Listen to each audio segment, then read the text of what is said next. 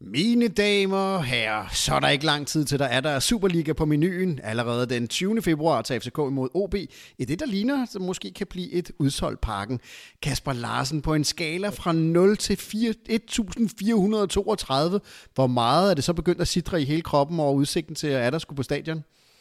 Det er, det er en helt vild ting. Øh, nu er vi gået og pakket det hele væk i noget transferleg og øh, juleferie og sådan noget.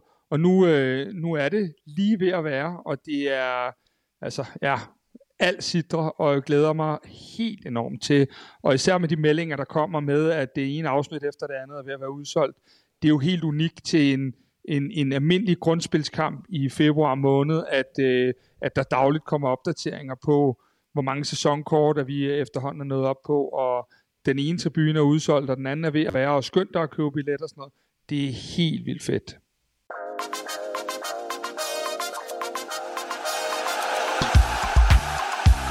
Du lytter til Kvartibolt, en podcast om hele byens hold for alle, der elsker FCK. Værter er Kasper Havgård og Kasper Larsen. Lige om lidt går det løs, det vi har ventet på efter flere måneders FCK-tørke. Snart ruller bolden af der i Superligaen, og vi går ind til et forår, hvor kampen om guldet formentlig bliver uhyre tæt. Men hvor godt rustet er FCK til den kamp? Hvor står vi rent styrkemæssigt i forhold til vores konkurrenter? Og hvordan skal Jes Torup gribe resten af sæsonen an? Hvad har de første træningskampe lært os, og hvordan ser FCK's gameplan ud? Alt det og meget mere vender vi i dagens udsendelse, hvor vi skal nørde fodbold, taktik, data og alt det, der kan få et bankende FCK-hjerte til at banke en lille smule hurtigere. I dagens panel, der sidder Henrik Tustrup, Kasper Larsen og Mikkel Larsen. Og Mikkel, lad os starte med dig. Øh, banker dit hjerte også lidt hurtigere, når du tænker på, at øh, du snart skal på stadion igen? Ja, jeg glæder mig også øh, meget, og øh, jeg tror også, det bliver spændende, ligesom at øh, nu går det løs. Øh, der er sådan en, en rimelig intens periode med transfers, hvor man, øh, hvor man jo også er spændt på, hvordan og hvorledes falder transfers ud, øh, hvem er det, øh, man får tilgang af, hvem øh, kommer ud, men øh, i, i sidste ende, så drejer det sig jo om, om kampen, og det er et øh, meget, meget vigtigt øh, forår, der står øh, for døren nu, så... Øh, så det er, og så i øvrigt, så bliver, så bliver starten også og vigtig. Øh, det er vigtigt at komme, øh, komme godt ud, og holdet ligesom sætter sig hurtigt. Så øh, jeg glæder mig. Og hvad med dig, Henrik Tustrup? Kan du også øh, mærke spændingen og sommerfuglen i maven øh, langsomt står foran døren? Ja, bestemt. Bestemt. Jeg glæder mig til den 20. Det er godt. Vi skal øh, rundt om rigtig mange ting i den her oplagt til resten af Superligaen og til den guldduel, som vi forhåbentlig går ind i i løbet af i foråret. Øhm, Kasper, jeg vil prøve at starte med dig. Øhm, vi havde jo et efterår, hvor nogle ting gik rigtig godt, øh, og andre ting gik mindre godt. Hvad er det, vi skal forbedre, eller FCK skal forbedre i løbet af foråret, i forhold til øh, den måde, vi spillede på i efteråret? Jamen, der er jo selvfølgelig en del ting, man altid skal forbedre, men øh, jeg er ret sikker på, med de indkøb, der er lavet, øh, den øh, gameplan, der er lavet for Peter Christiansen, så handler det øh, mest af alt om, at vi i foråret øh, ligner et hold, der har flere muligheder, flere strenge at spille på. Øh, vi havde jo ofte et meget uprøvet U19-hold på bænken øh, i efteråret, og lige nu, der sidder vi vel for første gang i, i den her sæson og øh, aner ikke, hvem der starter inden og ude, og vi kan spille med to boksangriber, vi kan spille med tre nede bag, vi kan spille på utrolig mange måder.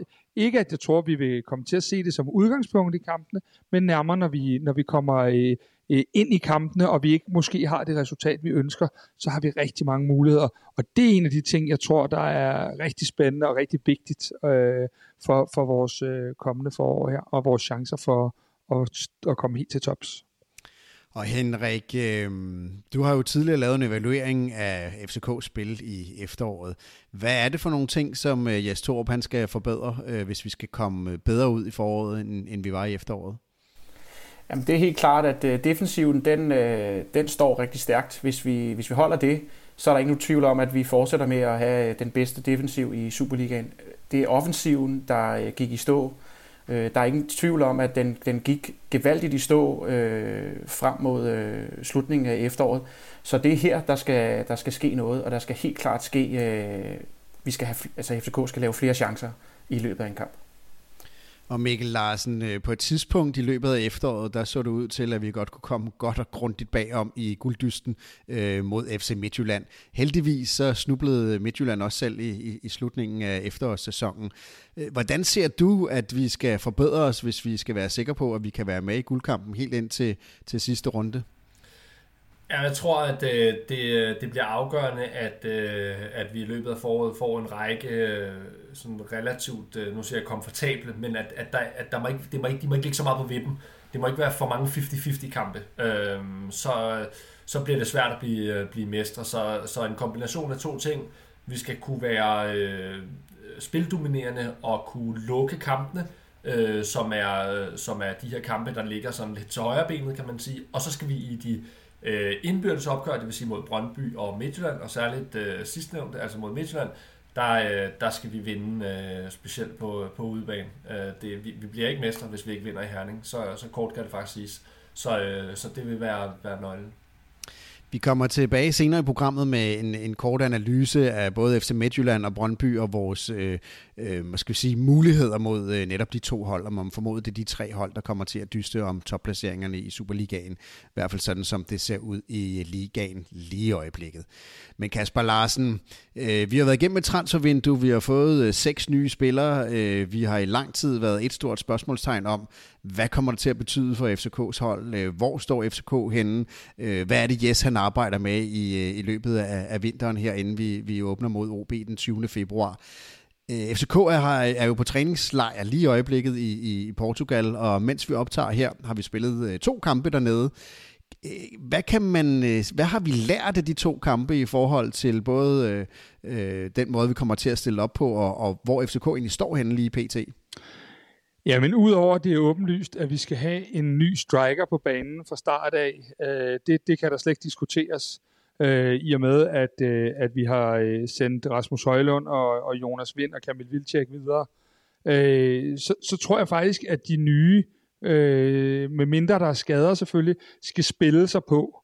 Jeg tror faktisk, at vi, øh, vi øh, som, det, sådan, som jeg ser tegningen og, og lytter lidt mellem linjerne og, på de berømte vandrør, vi ikke har haft gang i siden 31. i første, så, øh, så, så, så tror jeg faktisk, at, at det er det er et hold med, med Rooney og med, med Boeing og, og med Pep Biel og nogle af de kendte navne, Lea og Stage og, og så videre. Som, så jeg tror faktisk, at vi bibeholder, vi skal huske på, at vi slutter faktisk efteråret rigtig fint af øh, i Aalborg og blandt andet. Øh, og der tror jeg simpelthen, at Jes vælger at sige, jamen dem, der sluttede godt af, er også dem, der starter, og de nye skal så langsomt, men sikkert spille sig ind, selvfølgelig på nær 9'er positionen. Øh, det vil i hvert fald være mit klare bud herfra. Øh, det føler mig helt overbevist om. Vi har jo tidligere talt om, at Jes Torup han øh, overtog FC København øh, midt i, i sidste sæson. Øh, så skulle han bruge sommeren øh, til at, ligesom at have den unikke mulighed for at kunne spille sit hold sammen, til at kunne lave et rigtigt Jes Torup FCK. Øh, nu har han, i løbet af sommeren var der selvfølgelig nogle forstyrrelser. Der var et EM, hvor øh, flere spillere var væk. Øhm, nu har han jo et, et, haft et godt langt vintervindue øh, her til at arbejde med, med, med det, som han gerne vil arbejde med. Har du nogen idé om, øh, hvor langt Jes Torp egentlig er kommet med, med at kunne indarbejde de ting, som han rigtig gerne vil i FC København? Så vidt jeg husker, så siger Peter Christiansen til os i efterårets udsendelse, at, øh, at vi muligvis var omkring de 50 procent på det tidspunkt.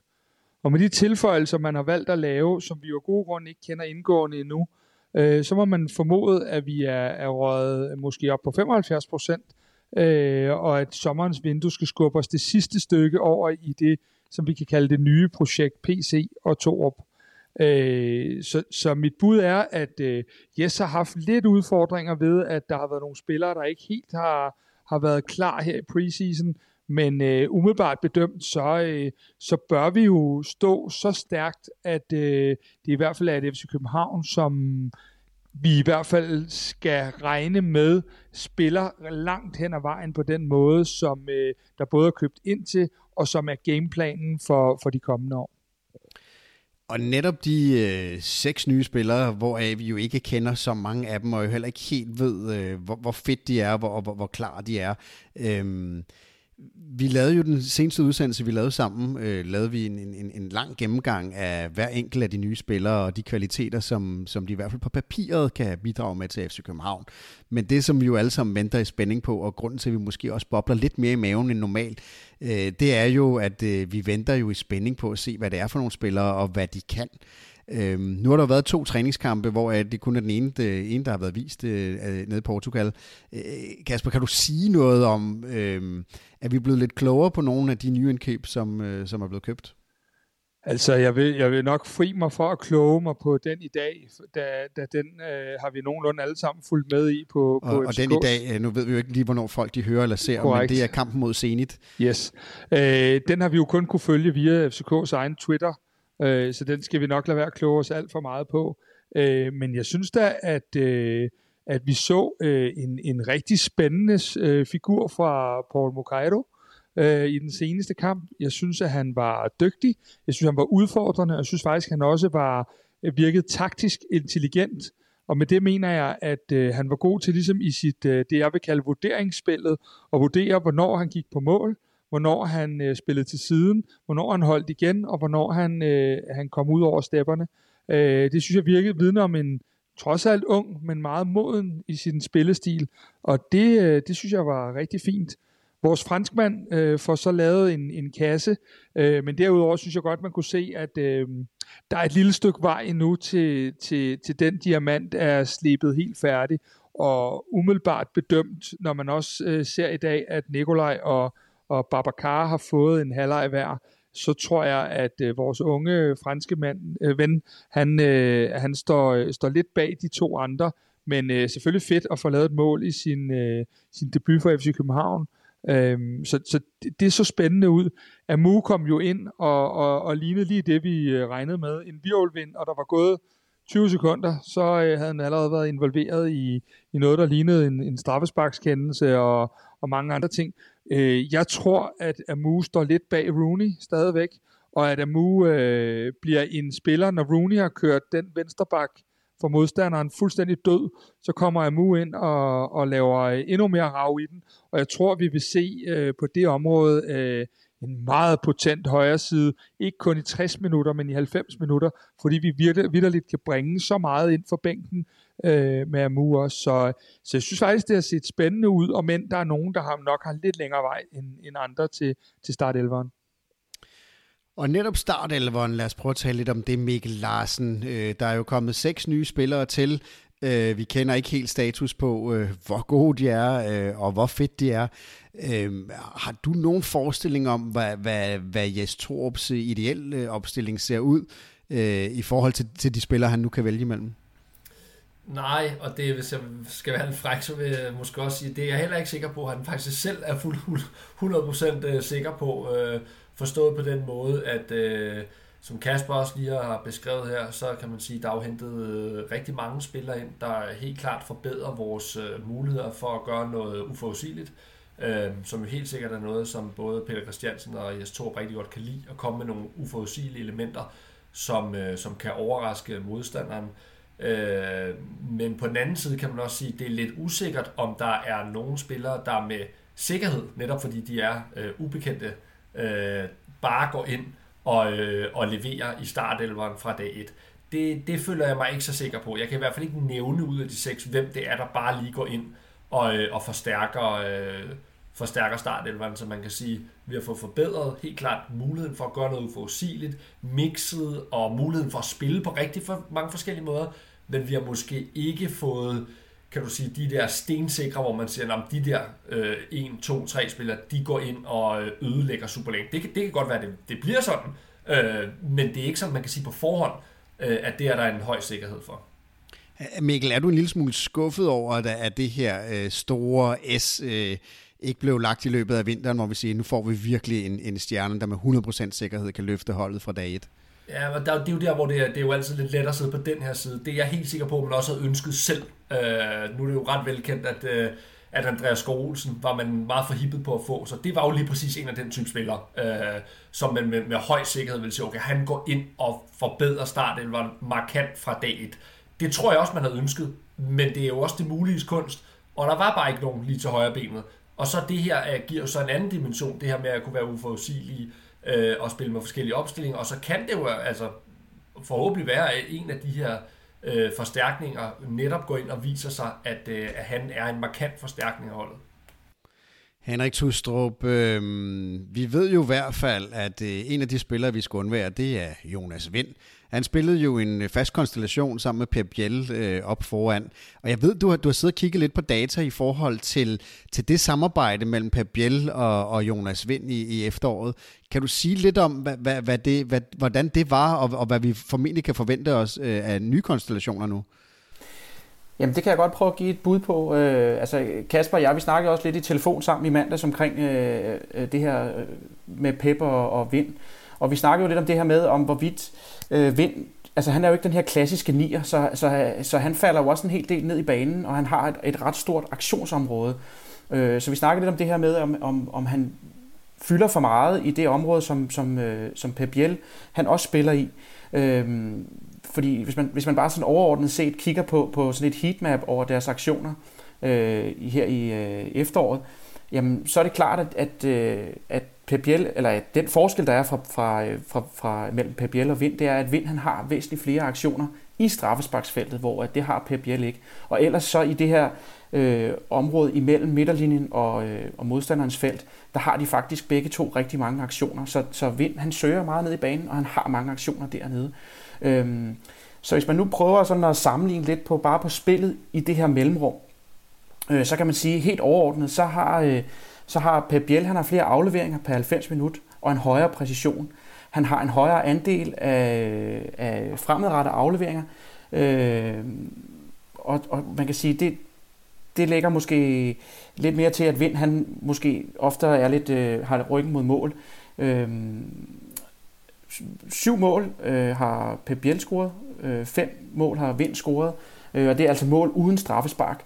Øh, hvis man kigger på mål og sammenligner med XG, så har Vind han har underpræsteret sin XG, hvor Pep Biel faktisk har overpræsteret øh, og scoret flere mål, end øh, hvad expected goals ligesom øh, forudsiger.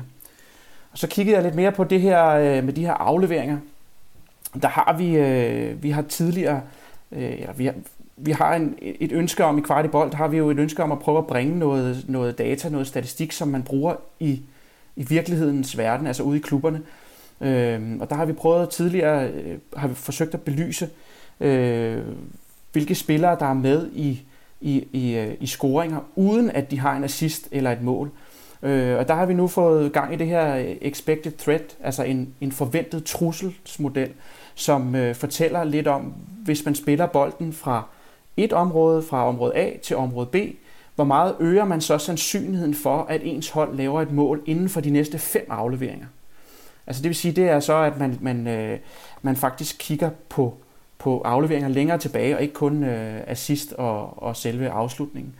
Så den her øh, expected threat, den prøvede jeg så at kigge på i forhold til Vind og Pep Biel.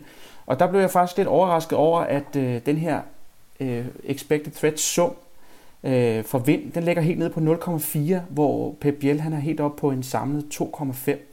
Så når man bare lige siger, slynger de tal ud, så kan man hurtigt bare sige, at Pep Biel han skaber altså flere afleveringer, der har en højere værdi, altså der skabes større sandsynlighed for, at øh, FCK scorer mål på de afleveringer, Pep Biel laver frem for Vins.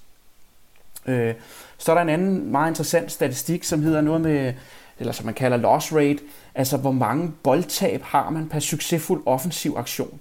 Øh, og der ligger Pep Biel på, på 2,9, hvor Vind han har 4,2 boldtab per succesfuld offensiv aktion. Så her er der altså også en klar fordel til, til Pep Biel.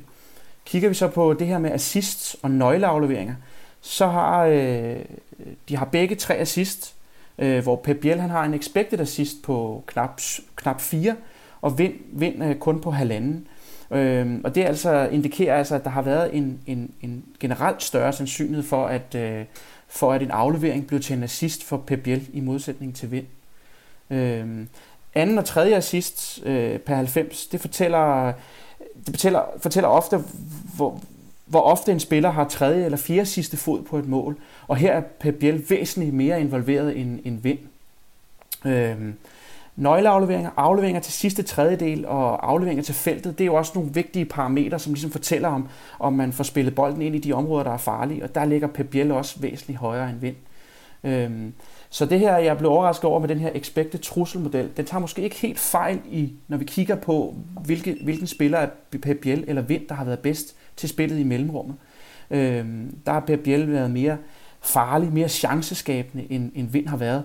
Men så er spørgsmålet igen, skal vi også vurdere dem på, på, øh, på spillet i mellemrummet? Fordi øh, kigger vi på, på spil i, i feltet, så har Vind jo væsentligt flere gode aktioner end Pep Biel.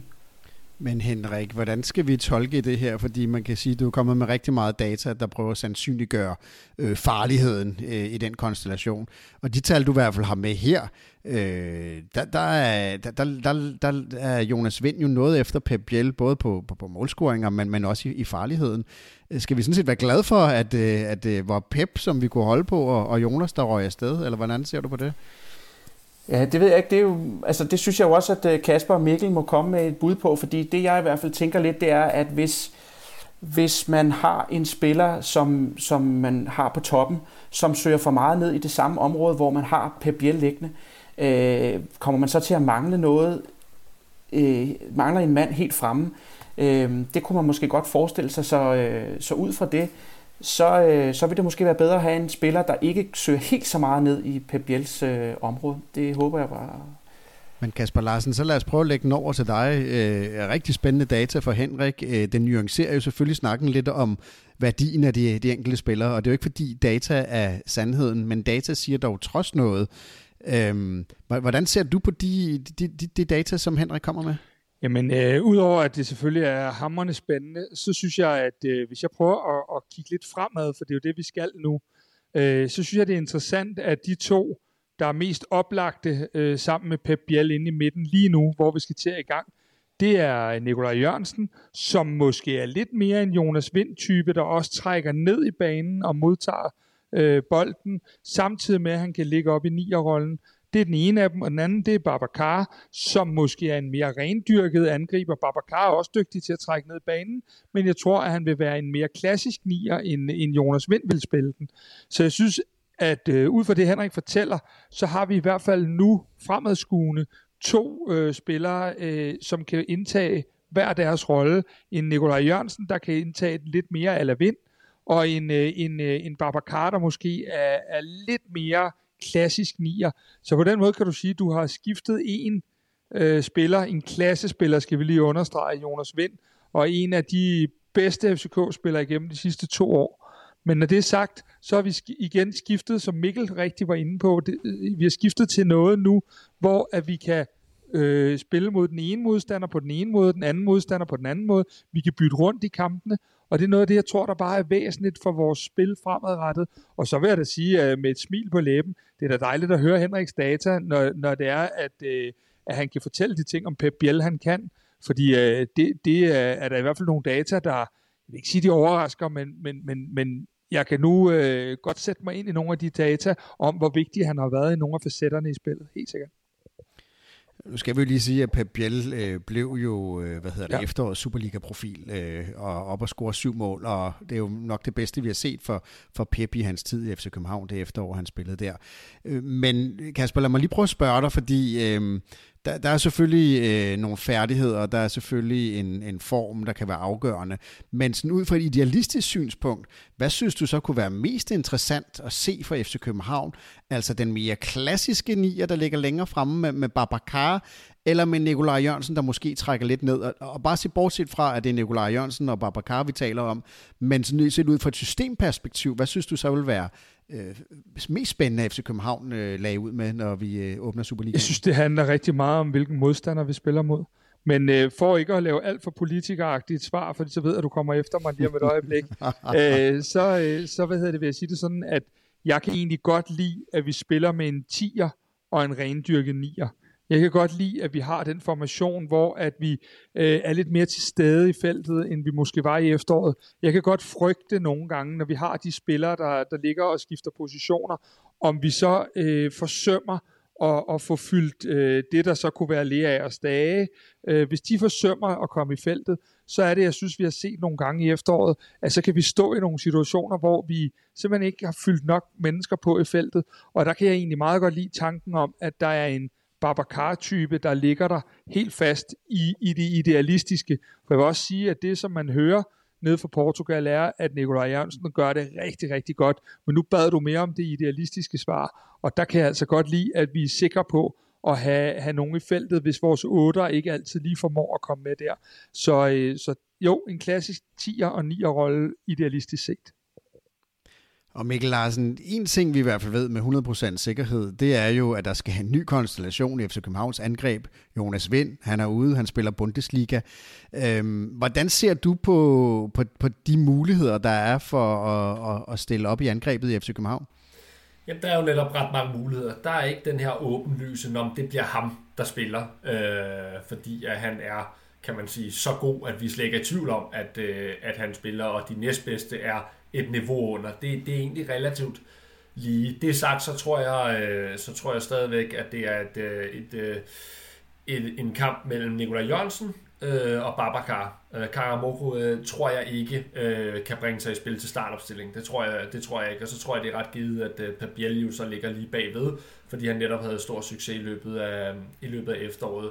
Så, så om ikke helt lige, øh, nu er det jo sådan her, de her sidste par test, hvor man bliver lidt klogere, øh, men øh, her mod Zenit, øh, der, der fik de jo øh, lige spilletid, Nikolaj Jørgensen og Babacar, og jeg ser det egentlig også som, som lidt mere åbent, end jeg måske troede for øh, ved, ved transfervinduets afslutning. Øh, fordi der var jeg ret sikker på, okay, Babacar, det, det bliver altså den faste.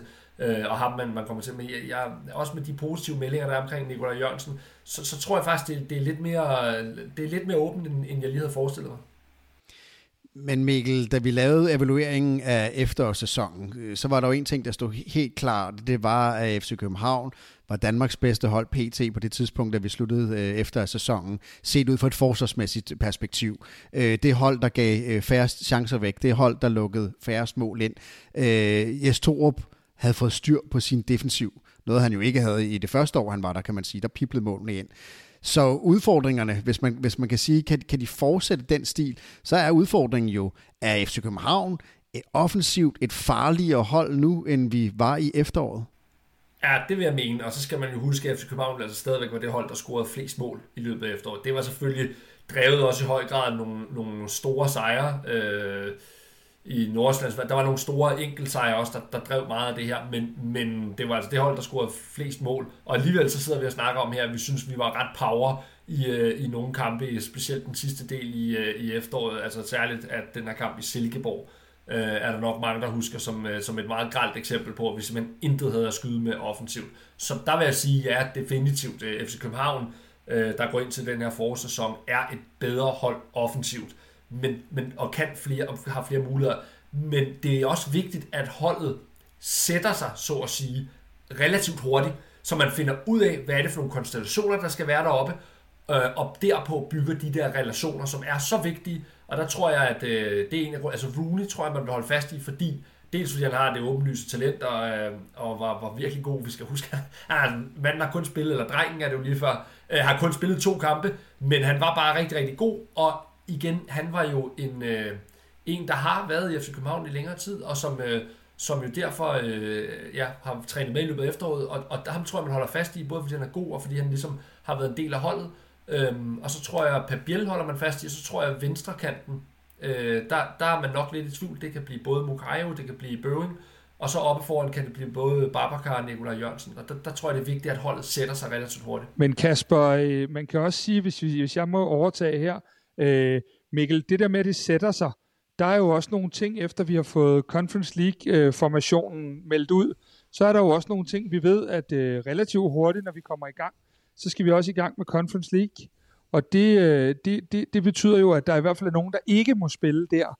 Og det, øh, det er vel med til... Kan du måske lige gentage for, for os, der ikke lige kan huske, hvem ja. det var, øh, der blev udtaget? Vi har, eller efter vi, vi har fået udtaget øh, Dennis Varbro nede i bagkæden, så har vi fået udtaget, øh, øh, hvad hedder det, Rooney øh, til, øh, som kant, og så har vi fået udtaget Babacar. Og det er derfor, jeg, jeg, mit spørgsmål, der går over til Mikkel, er lidt mere, øh, kommer holdet helt til at sætte sig, fordi vi vil jo utvivlsomt se nogle forskellige formationer, øh, når vi nu har, vi kan jo snilt risikere at have fire Conference League torsdage i løbet af, af foråret. Ja, der, til det vil jeg faktisk sige, at øh, hvis du kigger lidt på den tid, Jes Torup har været i FC København, så skal man faktisk ikke mærke til en ting. Øh, og det er lidt i modsætning til det her, vi snakker om meget med, at der, man, vi kan gøre rigtig mange forskellige ting og spille på vildt mange forskellige måder. Men prøv at lægge mærke til, at hver gang vi har vundet, så har han altså båret det med til den næste kamp. Så hvis det forhåbentlig går, som vi håber på, netop øh, at, at vi vinder, så tror jeg altså ikke, han laver så meget om, som man lige forestiller sig. Så tror jeg, han, er, gør, han gør en dyd ud af at bære de elementer med ind til den næste igen. Så, så med mindre, at, øh, at vi kommer ind i en svær periode, så, øh, så både tror og håber jeg, at, at han faktisk holder fast i, øh, i, øh, i, øh, i, i de konstellationer, som virker. Og så er du ret i, så kommer Conference League, men til det vil jeg også sige, der tror jeg ikke, man skal være, være, være i tvivl, at øh, måske på nær semifinal finaleagtigt, så skal man huske, at Superligaen er så vigtig, så jeg tror stadigvæk, Superligaen vil blive prioriteret højst, hvis man har en midtugkamp og en, øh, en weekendkamp. Så jeg tror egentlig, man, det er ikke sådan, jeg forestiller mig, at man kommer til at skifte hele og halve hold ud. Øh, I hvert fald ikke, hvis det går godt. Men, men et, et flabet spørgsmål kunne jo være, øh, i den tid, jeg Torup har været der, er det måske også første gang, at han har muligheden for at lave de ændringer til torsdag og søndag, som, som der ikke har været før, fordi de spillere, der præsterede om torsdagen, har jo været nødt til at spille om søndagen, hvis de har præsteret, fordi der har ikke siddet 5-6 spillere ude på bænken og været klar til at gå ind og, og erstatte dem. Og, og det er også en af, det bliver jo lidt det, der bliver interessant at se, men jeg synes bare, jeg kan se over det snart halvandet år, han har været her, at han er altså ret ops på, at hvis der er noget, der virker, så holder han fast i det. Og han er jo også en pragmatiker, hvis man skal sige det på den måde. Så han er så pragmatisk, at hvis han ser, der er noget, der virker, så holder han altså fast i det. Det har der været gentagende eksempler på i løbet af den periode, han har været her. Så, så det, den der forestilling om, om så bytter vi lige ham og ham ud til næste kamp, fordi der skal vi møde dem, så, så, så ekstremt tror jeg ikke, det kommer til at være. Øh, jeg tror, han kommer til at holde fast, og der, der, det er derfor, jeg siger det her med, at det sætter sig. Der tror jeg, at kampen er relativt åben her til at starte med, og der handler det om, for lad os sige, man er Nikolaj Jørgensen, Babacar, eller hvem man er, så handler det om at gribe de chancer hurtigt, man får, fordi så, øh, så er der gode chancer for, at man, man byder sig helt fast.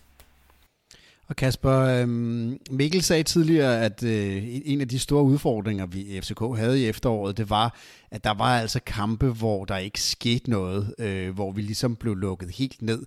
Og det virkede lidt som om, vi, vi i nogle kampe ikke havde en, en plan B. Øh, hvordan ser du nu mulighederne for at, ligesom at kunne have en plan B i de kampe, hvor, hvor vi ikke lykkes? Jamen det, jeg synes, de muligheder er, er helt vanvittigt gode. Øh, nu, nu tænker jeg ikke fra kamp til kamp, men i kampen. Øh, ja, øh, jeg tænker, at øh, står den 0-0 i parken øh, efter 60, øh, så har vi en mulighed for at, at gå over til tre midterforsvar med to wingbacks og spille en 3-5-2 vi har muligheden for at, at smide for eksempel Babacar og Nikolaj Jørgensen ind sammen op på toppen, så vi kan øse nogle bolde i feltet. Øh, vi har mulighed for at, at, at måske både at have øh, Rooney bag i som en tiger, og Amu ind på den der højre kant.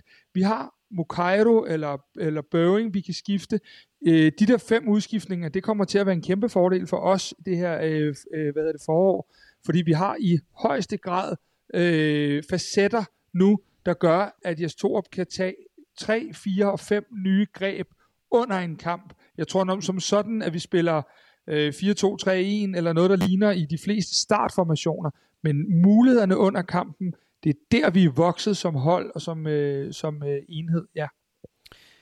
Og nu har vi så været igennem øh, den offensive og forventninger til de offensive konstellationer og det udtryk og de muligheder, de nye spillere også giver FC København. Men lad os øh, prøve lige at kigge på defensiven en gang. Øh, det var jo et, øh, et, et fast anker øh, i, i løbet af efteråret. Nu... Øh, er Vavro jo kommet til. Og Kasper, lad mig lige øh, spørge dig, fordi øh, jeg hørte i Mediano, øh, der sad de ligesom i deres panel og sagde, du ved, Mediano, eller Vavro bliver en, en fast starter. Men det gør han vel ikke? Eller hvad? Altså, øh, nu skal der ikke være nogen hemmelighed, at øh, Mediano er klart en af mine foretrukne podcast i løbet af ugen. Men lige der, der synes jeg, de gik øh, gevaldigt galt øh, ned af, af motorvejen. Øh, for mig at se, er Dennis Vavro en øh, oplagt opgradering af Ruben Gabrielsen. Men at hvis vores hold, der har lukket færrest mål ind i efterårssæsonen, øh, med en flot midterakse, med det, der lige nu er vores anfører, Nikolaj Bøjlesen, og så kan der være form og, og preseason og sådan nogle ting, der gør, at jeg ikke får ret i det her, men så vil det direkte chokere mig, hvis Nikolaj Bøjlesen og øh, David Rotolava ikke er de to, man foretrækker som udgangspunkt. Igen med det forbehold, at preseason øh, kan have gjort noget. Vi ved jo, at Bøjle har, har øh, skræntet lidt med efteroperationen, og i dag, hvor vi optager, der har Kutsulava forladt øh, øh, kampen øh, relativt tidligt med lidt i baglåret.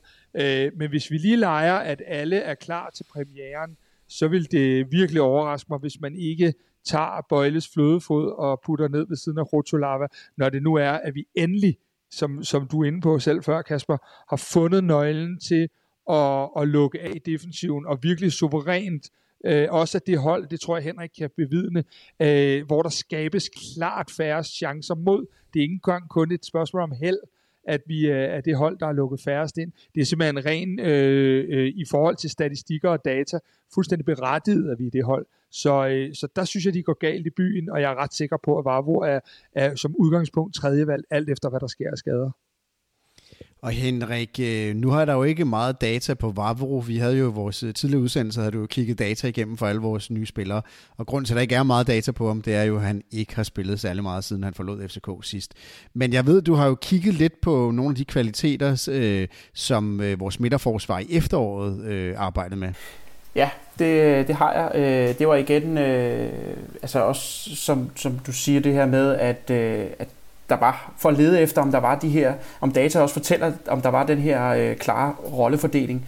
Og der kan man helt sikkert sige, at overordnet set, så er der bare, data fortæller også, at, at, at Bøjle han er den boldsikre, øh, øh, hvor Kutulava han er mere den her defensive øh, maskine.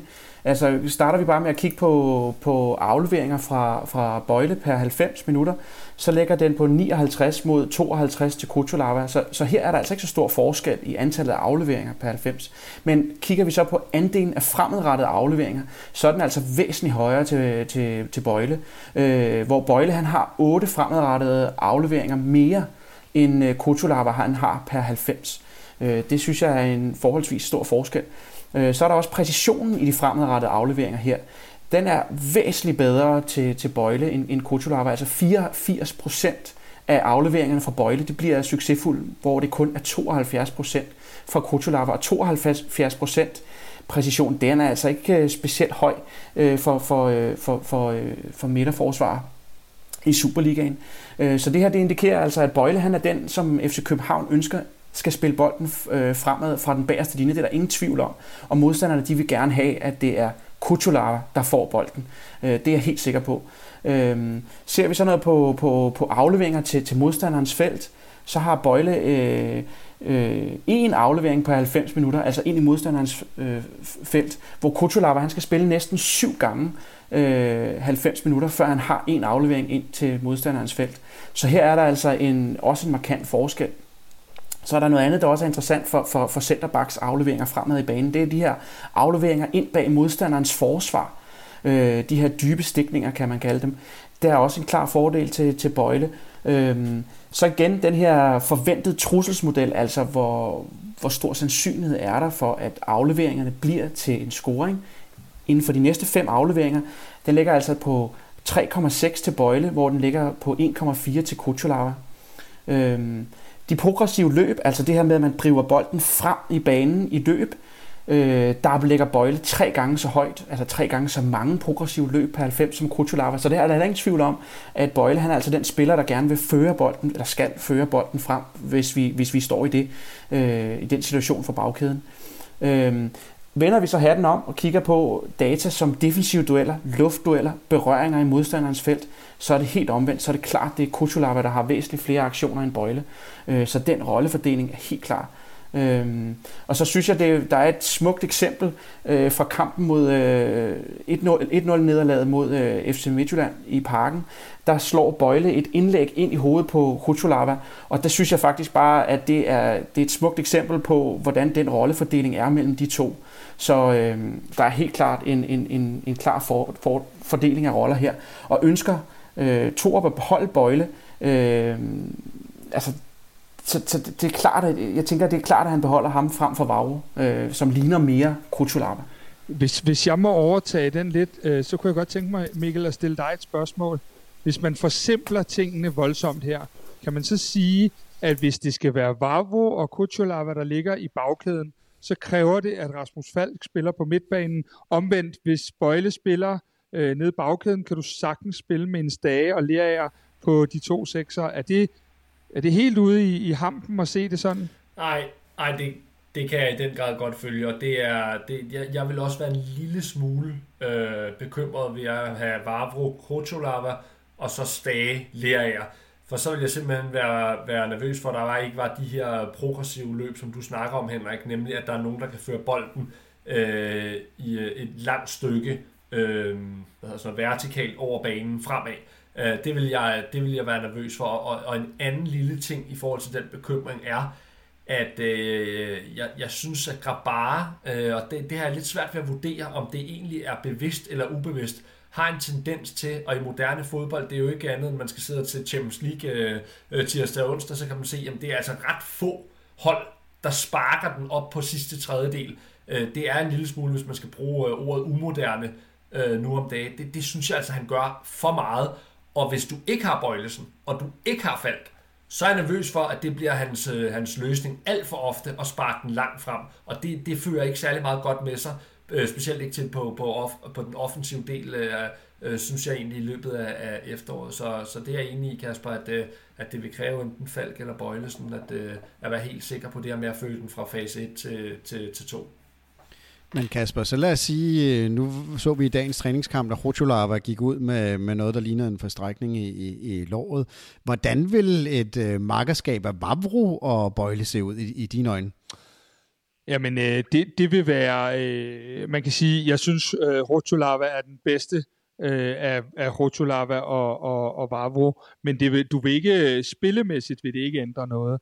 Øh, fordi du vil stadig have, så det jeg tror Henrik kaldte maskinen nede bag i, og så vil du have øh, flødefoden ved siden af. Så selve den konstellation ser jeg faktisk som vores næstbedste konstellation, fordi øh, at, at jeg igen også, som, som Mikkel er inde på, jeg er enormt bange for, hvis, hvis, øh, hvis, vi, hvis vi fører den direkte fra fase 1 til fase 3 og springer fase 2 over. Fase 2, som jo af, af, af det midterste af spillet, kan man sige, øh, så vil det være bekymrende, fordi så er jeg bange for, at det netop er, jamen så skal vi stille med Nikolaj og Babacar op foran, og så er det bare en over nakken, og sådan tror jeg simpelthen ikke, at vi vil spille fodbold, selvom jeg godt er klar over, at vi, øh, vi godt kan gå lidt efter anden boldspillet øh, fremad banen, så tror jeg ikke, det er den måde, vi ønsker at spille på, selvom vi gerne vil være dynamiske. Så jeg ser helt sikkert, at vi enten skal have en falk, der trækker ned bagkæden, som vi jo så øh, i det tidlige efterår, inden han blev skadet, og modtager bolden, eller også så skal vi have en Nikolaj Bøjlesen, der sammen jo med to øh, relativt dygtige tekniske backs,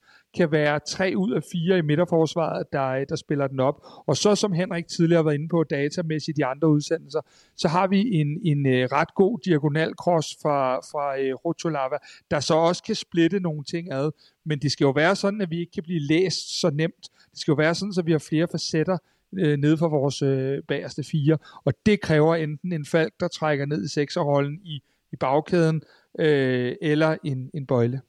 Og så øh, må vi jo til det spørgsmål, der gør, at vi nok alle sammen kan få en lille smule ondt i maven, fordi hvem er egentlig klar, når vi øh, åbner mod OB i parken den 20. februar? Kasper, Øh, Øh, de er jo i træningslejr nu i, i Portugal. Øhm, hvordan ser den, sådan, den fysiske situation ud? Øh, hvem, er, hvem er stadig langt fra at være kampklar og eventuelt kampklar til, til første kamp den 20. Jamen, øh, du kan også spørge mig om lottotallene, øh, fordi øh, jeg tror, at de har doseret rigtig fint, fordi så lige pludselig er Vavro lidt ude, og man tænker, hvad nu det? Og man ser, at han sidder på cyklen dernede og så videre. Men øh, jeg tror, i forhold til Bøjle, hvis vi skal starte med ham, så tror jeg simpelthen, det har været en kalkyle, at man efter operationen har, har holdt lidt igen med ikke at bringe ham for tidligt. Øh, nu er vi ved at være tæt på, og man kan sige, øh, som jeg læser det i dag, så, øh, så vil Bøjle gerne have spillet mere, men bliver hævet ud han kommer ind i stedet for Rotolava.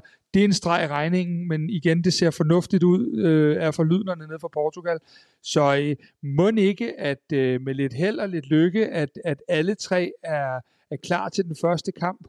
Og så er det igen det der med, at øh, når vi har tre stærke stopper, øh, og vi har fem reserver, jamen så, så er man nødt til i hvert fald at kigge på, jamen skal man skåne nogle af dem øh, efter 60 minutter eller 70 minutter i nogle af kampene? Det sagt, så er det jo en af de positioner, hvor man ikke øh, som regel er en af dem, der løber allermest øh, på banen. Så øh, lige nu, øh, hvis, hvis de ellers så styr på, at det kun var det sædvanlige lille prik til, til en spiller i dag fra Krotolava, så tror jeg egentlig, at Jes Torp stiller med dem, han ønsker at stille med, hvilket jeg er 99% sikker på, er, er Bøjle og Rotolava, hvis de er klar. Og det øh, gør, at vi lige må vende os lidt mod øh, mesterskabsdysten, dysten om guldet. Og det kræver selvfølgelig også, at vi måske lige kigger på lidt mod de hold, som vi, vi kommer til at dyste mod. Og Mikkel, øh, ja, vi er to point efter FC Midtjylland. Øh, hvordan ser du på baggrund af de ting, der er sket i, i, i løbet af vinteren også her, øh, Midtjylland, og, og hvor står vi i styrkeduellen øh, mellem FC København og Midtjylland? Hvis man kigger på FC Midtjylland, så synes jeg, det er nogenlunde øh, status quo. Måske med, faktisk med et lille plus til os, fordi man kan sige, FC Midtjylland har, øh, som jeg ser det, gjort en lille smule det samme lidt tilbage til det her med, at man har helt klart hentet nogle interessante øh, navne ind, øh, også nogle store navne, men ikke den der, hvor der er en øh, tæt på 100% garanti for, at det er et sikkert hit i Superligaen. Man kan sige, at deres mest prominente er jo den her lejeaftale med Max Meyer, som, øh, som så vidt jeg husker har fået af det 4-5 landskampe for Tyskland, hvilket i sig selv er ret vildt, ikke? og han er kun igen, hvis jeg husker rigtigt, 25 eller sådan noget. Øh, så det, det, er jo, det er jo ret markant, øh, og så har de fået Wagner Noff, som igen er lidt også en, øh, en joker, men trods alt meget prominent. Øh, men jeg synes, det er, det er lidt det samme. De har så sat, øh, sagt farvel til Kajuste blandt andet, og også Jonas, Jonas Løssel, som jo var under øh, en del, øh, kan du sige, øh, virak øh, i forhold til, at han virkelig øh, sparkede tilbage mod Midtjylland. Øh, så man kan sige, samlet set øh, ser jeg ikke, at de er gået stærkere ind til, øh, eller har opgraderet deres trup mere ind til foråret, end vi egentlig har gjort. Øh, det, det synes jeg måske, øh, der synes jeg måske, vi har et lille, lille plus der. Øh, så øh, så øh, det, bliver, det bliver nogle meget interessante kampe, vi får direkte mod dem. Mikkel, jeg tror også, du selv sagde, at måske en af nøglerne til, til mesterskabet ligger i, at vi måske rent faktisk kan tage øh, nogle point øh, i Herning. Øhm, hvordan ser du den, den direkte duel? Det, der faktisk er blevet irriterende omkring det, det er faktisk, at jeg tror, at øh, psykologien begynder at spille noget her. Øh, selvom vi siger, at det er professionelle fodboldspillere, altså hallo, hvor mange af de her spillere var der for 3-4 år siden, så, så skal man ikke undervurdere det, øh, fordi det vil blive rigtig meget snak om det, inden vi skal til Herning, at det er øh, rigtig mange år siden, vi har vundet, og, øh, og den der psykolo- det der at komme over den barriere at vinde, det er bare vanskeligere end, øh, end, øh, end andre steder, og det tror jeg faktisk øh, spiller en, øh, en reel øh, rolle. Øh, så det, det er bare nøglen, at vi tager derover og spiller det ligesom en, en svær europæisk udekamp, hvor vi står lidt lavt og kører måske lidt mere på kontra, skarpe øh, dygtige til at forsvare os nede bagved. Øhm, og det, det, det bliver virkelig, øh, vi har jo to kampe derover, både den her, som er resteret i grundspillet, og så også i mesterskabsspillet vil der være en udkamp. Og der, øh, der, der skal vi, vi skal over den psykologiske barriere, vi skal vinde en af de kampe. Men der er jo en anden psykologisk barriere, øh, som Midtjylland jo øh, historisk set, i hvert fald de sidste par sæsoner, har været sindssygt gode til. Og det er jo, de bare kværner der ud af, og selv de kampe, hvor spillet ikke kører for dem, hvor de ikke spiller attraktivt, så har de været rigtig gode til alligevel at, at tage de tre point med hjem. Og der så vi jo, altså for mig i hvert fald rigtig overraskende i efteråret, at de jo faktisk snublede i den ene kamp efter den anden, og heldigvis, fordi øh, det gør vi jo stadig fuldstændig med i, i, i guldkampen, og den er intakt. Tror du, øh, altså hvordan vurderer du Midtjylland i forhold til den her øh, garvede professionalisme, der bare siger, at vi, skal, vi får tre point uanset hvad? men jeg er helt, jeg er helt enig. De er, de er til at bide skære med. Det er sagt, at det er stadigvæk det her fysisk meget stærke hold, der er, øh, har nogle gode individualister, øh, og, øh, og netop kan kværne kampe, og, og virkelig har også den her evne til, øh, som, som jeg ikke øh, synes, vi selv har haft til at vinde de her kampe i overtiden. Øh, øh, men man skal også huske på en anden ting, og det er, hvis vi zoomer lidt, op, øh, zoomer lidt ud og går op i helikopteren, det er, FC Midtjylland har også rigtig meget på spil i år, fordi hvis vi nu tager en øh, vilkårlig række og kigger tilbage, lad os sige fire år, hvis FC København nu skulle øh, vinde mesterskabet øh, i år, og det er jo ikke helt, øh, helt usandsynligt, jamen så vil øh, Midtjylland kigge tilbage på fire år, hvor man har vundet et mesterskab. Og så kan man altså ikke claime det her, som man ønsker at sige, at øh, man har... Øh, man er en ny dominerende faktor i dansk fodbold øh, og så videre, så videre. Det vil blive meget, meget svært, for så har man ikke så meget substans, og det vil kun det vil tage ret kort tid, før mange medier laver den udregning og siger, hov, så mange mesterskaber har I jo altså heller ikke vundet over det sidste. Så de har også meget på spil, så i virkeligheden, vi har jo helt øh, indlyst meget på spil, men, men det har øh, FC Midtjylland også. Men Mikkel, man kan jo også vende den om og sige, jamen hvis mesterskabet glipper for FC København, øh, så, så har vi også kun et mesterskab i de sidste Det er helt klart, det er jo det, hands down, det er jo lige præcis det. det ja. Men den, den, det tror jeg bare er klart for alle, at øh, FC København er enormt meget på spil, øh, også fordi det vil så være, øh, hvad hedder det, øh, øh, tre år uden mesterskaber, og det er rigtig meget. Øh, det er ikke set siden, øh, ja, så skal vi faktisk tilbage til, øh, det er vel tilbage til 90'erne. Så øh, det, det, det, det er jo helt afgørende, har vi, har helt afgørende har vi rigtig meget på spil. Men det tyder jo på en sindssygt spændende altså gunslinger øh, showdown i øh, foråret her. Altså hverken FC København eller FC Midtjylland kan sådan set tåle at, at tabe den her gulddyst, hvis man skal hævde, at man er Danmarks bedste hold. Øhm, Kasper Larsen, hvor meget øh, ryster du på hånden, når du tænker på øh, den direkte duel med FC Midtjylland, øh, på baggrund af det, der er sket i løbet af vinterens transfervindue, både i øh, FCK og i FC Midtjylland? Øhm, jeg ryster mere på hånden i dag, end jeg gjorde efter sejren i Aalborg i den sidste runde. Og det gør jeg ikke øh, som udgangspunkt, fordi at, øh, at jeg ikke stadig tror på det, for det gør jeg helt sikkert. Men jeg synes, der er så mange ubekendte, specielt hos os, men også hos FC Midtjylland, der gør, at jeg ikke på samme måde vil lægge hånden på kogepladen og sige, øh, den kører vi hjem. Det, øh, den følelse havde jeg efter efteråret sluttede, men øh, med, med den udskiftning, der har været, øh, så ved man aldrig, hvordan at, at, at seks nye øh, falder ind i truppen, hvordan træningsintensiteten bliver, hvordan øh, kamptruppen kommer til at sætte sig. Øh, vi kan godt bedre tåle skader nu, men vi kan helst ikke tåle skader på kulturbærerne. Altså, øh, jeg ligger jo rigtig meget af den her kasket, jeg sidder på med i dag, den ligger jeg jo i hænderne på øh, Nikolaj Bøjlesen og Rasmus Falk, fordi jeg ser dem som værende de to øh, nøgler til ligesom at, at have den akse op igennem banen, der gør, at nogle af vores øh, unge, sprudlende spillere kan, kan, kan, kan blomstre og bolde sig, og at de lige pludselig ikke med, jamen så står vi med lidt af de samme ting som i efteråret, hvor man siger, hvem er det så, øh, der, der, der stepper op og sørger for, at aksen er i orden? Øh, og, og det er der, jeg sådan siger, der er flere ubekendte nu, der gør, at jeg ikke på samme måde, som jeg kategorisk sagde i vores evaluering, siger, at FC København bliver danske mestre. Nu siger jeg det bare, at FC København bliver danske mestre, men ikke kategorisk. Og Henrik, øh, hvordan ser du på styrkeforholdet mellem FCM og FCK i, i, i den duel, der nu øh, kommer til at, at, at være i løbet af foråret? Jamen igen, jeg, jeg har også øh, haft den her, øh, som Mikkel snakker om, den her, den her øh, kværnende maskine fra Midtjylland, at de, de bliver bare ved med at lave point. Øh, det kan jo godt blive udslagsgivende. Man kan så sige, at øh, sidste år, der, øh, der lykkedes det dem jo altså ikke, trods alt, selvom man sad med følelsen af, at de havde den her kværnende maskine, der lykkedes det dem jo altså ikke at blive Danmarksmestre. Så, øh, så jeg synes da helt sikkert, at, øh, at de er ikke uoverkommelige, og FC København, de kan sagtens være med, det er jeg slet ikke i tvivl om. Ja, så tror jeg, at den sidste ting her også, at det, og det skal vi vende os til over foråret, det var det, man så sidste år, det er, det kommer til at svinge det her. Det kommer til at øh, og, og, hvad hedder det, buller fra den ene side til den anden. Altså man kommer til at sige, nu er den her favorit, når nu er den her favorit. Altså jeg, jeg tror, det, det er lidt, øh, øh, hvad hedder det, it ain't over until the fat lady sings. Altså der, der, vi skal langt hen øh, i mesterskabsbilledet, og vi skal formentlig hen til de aller sidste kampe, før der er noget, der er afgjort. Det vil, det vil være i spil i lang tid, og det tror jeg også er noget, man, skal, man faktisk i spillertrupperne skal kunne håndtere at det kan bølge frem og tilbage, og, øh, og øh, man kan komme ind i nogle lidt dårlige perioder, men man skal være der hele vejen. Det så vi også sidste år, at øh, Brøndby endte jo med at løbe med mesterskabet. Det var det øh, FC København havde faktisk muligheden til allersidst, ikke? Så det, det, vil være, det, vil, øh, det, det vil være i spil i lang tid.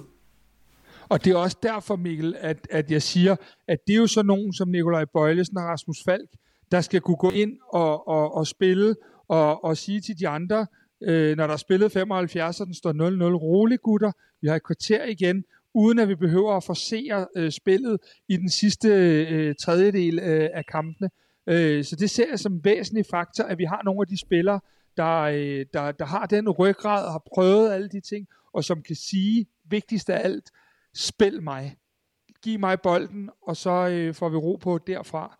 Øh, og så er der en anden ting. Nu skal jeg passe på, at jeg ikke øh, øh, snupper dig og din rolle, Kasper, men øh, jeg er bare stoppet med at dømme Brøndby ude af de her forskellige mesterskabskampe, for det har jeg gjort for mange gange.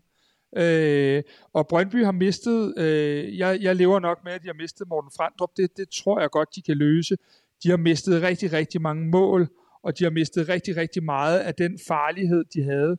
Men det er altså ikke specielt mange år siden, at de mistede det, vi sad og grinede af, som var øh, Hani Mukhtar og, og company, i, øh, hvor de mistede tre eller fire profiler inden for et halvt år. Og alligevel blev de ved med at, at være der, og, og Brøndby er jo blevet, hvordan vi ellers hader det, de er jo blevet en fast bestanddel af den her top 3 nu. Øhm, så det vil være yderst arrogant på den kedelige måde at sidde og sige, at fordi de har mistet uger og frandrup, så er de væk. Fordi vi er ikke mere end, end en enkelt svipser i, i starten, for at øh, så er det altså Brøndby, der ligger der, øh, og der er ingen, der regner med dem. Og der er noget, de godt kan lide derude, det så vi også sidste år, så er det, når vi bliver ved med at, at grine lidt af, at de, øh, at de ikke er til stede i den mesterskabskamp, fordi det var der jo ikke nogen, der talte om næsten før, de havde fået guldet om halsen. Selv da, vi, da de spiller over i Aarhus og vinder den der lidt heldige 1-0 sejr, helt vanvittige sejr, det, det er jo først der, det går op for os, at jamen for fanden, Brøndby IF, de bliver danske mestre. Så jeg tror bare, at vi skal, vi skal lade være med at have den der hovski holdning til, at, øh, at Brøndby øh, ikke er en del af det her. Det er en kamp mellem tre hold, og ikke kun mellem to. At jeg så stadig ser Brøndby som nummer tre, det er en anden side af sagen, men vi skal bare lade være at have en arrogant holdning over for det, fordi mærkeligere ting er sket, end hvis Brøndby bliver danske mester. Jamen Kasper Larsen, det lyder som en øh, oplagt tilfælde af brandbarn skyr ilden. Øh, nu brugte du øh, hele sidste sæson på søndag efter søndag at fortælle mig, at Brøndby aldrig nogensinde med det hold, de havde nu, øh, kunne blive danske mestre. Og det blev de altså, øh, og det er vi selvfølgelig blevet klogere af, af skade. Men realistisk set, Mikkel, fordi nu er Kasper jo ude i, i at, at, at træde vandet i forhold til det her. Er Brøndby en del af guldduellen, eller er det kun FC Midtjylland og FC København, der kommer til ja, at slås Hvis jeg skal være helt konkret, så vil jeg sige, at det er jo egentlig det, jeg har på så er vi ude i sådan noget mm, 45-45-10. Altså 45 Midtjylland, 45 FC København, 10% Brøndby, og måske kan man sige, at... Øh, Altså, vi skal huske, Brøndby er altså også 5 point bagefter, og det gør måske 10 procent kan være lidt højt men alligevel, jeg er enig, med, jeg er enig i, hvad du siger, Kasper, det, de, øh, vi, det er jo ikke længere væk, de her indbyrdes kampe, end at der kommer de her freak-kampe, som også kom sidste år, Øhm, og nu skal sige, det var, det var, det var, det var velfortjent, at Brøndby vandt guldet, men, men det var nogle af sådan nogle freak-kampe, nu nævner du selv den der oppe i Aarhus, jeg havde ikke glemt den. Det var øh, en freak-kamp af dimensioner, de vandt der, ikke? Øh, så det er jo ikke længere væk øh, end at der, der kan komme sådan nogle indbyrdes opgør, der lige pludselig vender op og ned på tingene. Men, men, men det er klart, at al logik til det spørgsmål har jo, al logik tilsiger jo, at det, det skal være et, øh, et spørgsmål øh, eller en kamp mellem øh, FC København og FC Midtjylland. Jamen, jeg kan godt høre, at, øh, at øh, logikken øh, er ved at vinde over følelserne her.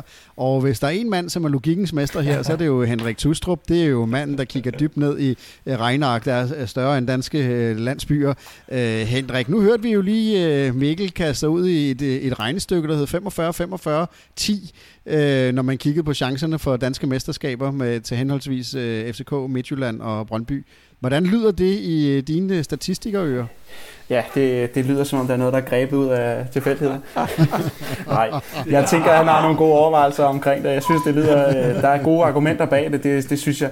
Men, men øh, for jeg, jeg, kan heller ikke, øh, jeg kan jo heller ikke sætte, sætte, sætte procenter på. Jeg tænker bare på en ting, var, at efter sidste efter deres mesterskabssæson, der sælger de Jung, og de sælger Lindstrøm, og der var meget snak om, at nu går de i stå. Jeg synes, de har et ekstremt veldefineret og dygtigt øh, koncept i Brøndby, og de er dygtige til, altså blandt andet er de dygtige til at få modstanderen til at tabe bolden, eller miste bolden i områder, hvor, de, hvor, hvor holdet er meget sårbart, og så er de dygtige til at slå til på de chancer, de så får ud af det. Og lige det koncept, der kan man sige, at nu mister de uger, som er den her, har været god til at sparke de her bolde ind. Men når konceptet har været så veldefineret, at, at de faktisk kunne, kunne, øh, kunne sige farvel til, til, til Jung og Lindstrøm, som var meget vigtige i deres, øh, i deres, øh, i deres boldspil, jamen så er jeg spændt på at se, om ikke også de, de godt kan finde ud af at løse den her. Øh, jeg tror heller ikke, øh, som Kasper siger, vi skal ikke bare sige, at de bliver ikke til noget. det, det sagt vil jeg alligevel lige indskyde, at man skal også huske, og nu det, skal det jo ikke handle for meget om Brøndby, kan man sige, men det sagt, så skal man også huske, at Brøndby vinder, jeg tror, ud, det er ud af deres otte sejre, der er syv af dem med et mål. Altså, det, det, det, så Brøndby skal også ligge noget på i foråret, hvis de skal, hvis de skal virkelig gøre altså komme ind i kampen om mesterskabet, og de er jo fem point bagefter, skal man også huske. Så de skal lægge noget på. De vandt syv ud af otte kampe med et mål, og det var sådan nogle kampe, der lå og vippede. Så det er klart, der skal de også lægge noget til, hvis, øh, hvis de for alvor skal komme ind i, øh, i kampen. Jeg tror, en ting, vi i hvert fald kan konstatere med 100% sikkerhed, det er, at det bliver formentlig et uhyre spændende forår. Formentlig også et uhyre nervepirrende forår, hvor vi søndag efter søndag vil se, øh, at, øh, at guldet måske kan vippe til den ene side, til den anden side, til den tredje side. Øh, Kasper Larsen, vi, vi melder ind, at, øh, at FCK står øh, stærkt i en gulddyst med øh, Midtjylland og Brøndby. men, men bare lige sådan her på faldrebet, Kasper, at, at er der nogle store spørgsmål, der rejser sig ind i dit hoved nu her, øh, øh, knap halvanden øh, uge før øh, sæsonstart? Jamen, hvis, altså, det er alt overskyggende spørgsmål, der rejser sig ind i mit hoved. Øh, det, det, det er ubetinget den, den fysiske del hos vores nøglespillere.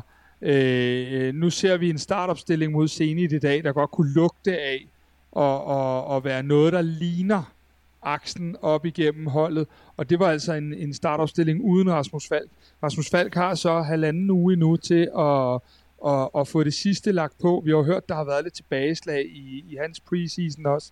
Men for mig at se, er det fysikken, øh, de mange skader, Øh, vi har væltet ind øh, ned med, med skader, senest i dag med, med Kevin Dix også. Øh, hvad hedder det? Og, og der vil jeg bare sige, Mikkel sagde det der med, at holdet skulle sætte sig.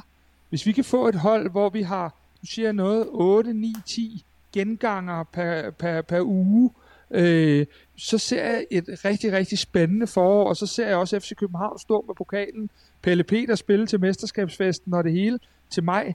Men hvis vi igen skal ud i det der, hvor Jes Torup skal øh, rive sig i det hår, han ikke har så meget tilbage af, og, og, og hvad hedder det, og genopfinde noget hver eneste uge med nye spillere, og måske nogen ude af position, og øh, nogen det ene eller det andet sted, jamen men så er det, at jeg er bange for, at maskineriet hakker for meget.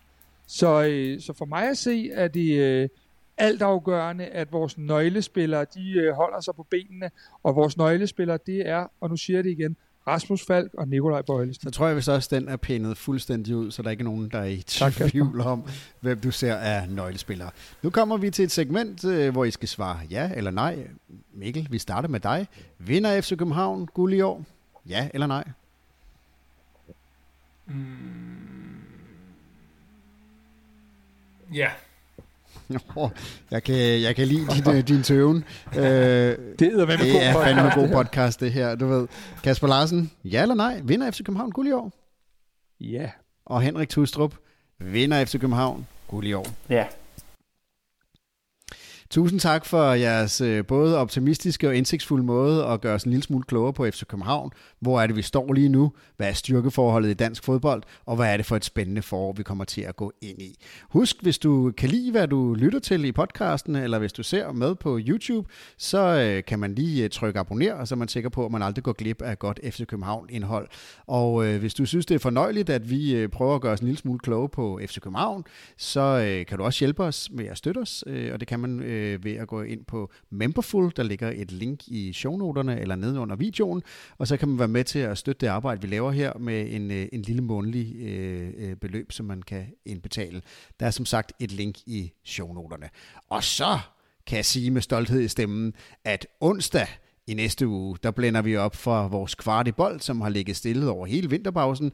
Det er Rasmus Pastegi, som øh, tager os igennem kampen mod OB. Hvad er det, vi skal holde øje med i den kamp, og hvordan øh, øh ser øh, hvad hedder det, panelet på øh, FC Københavns chancer i en hjemmekamp mod OB, OB i det, der forhåbentligvis bliver en fuld pakken. Tusind tak for i dag.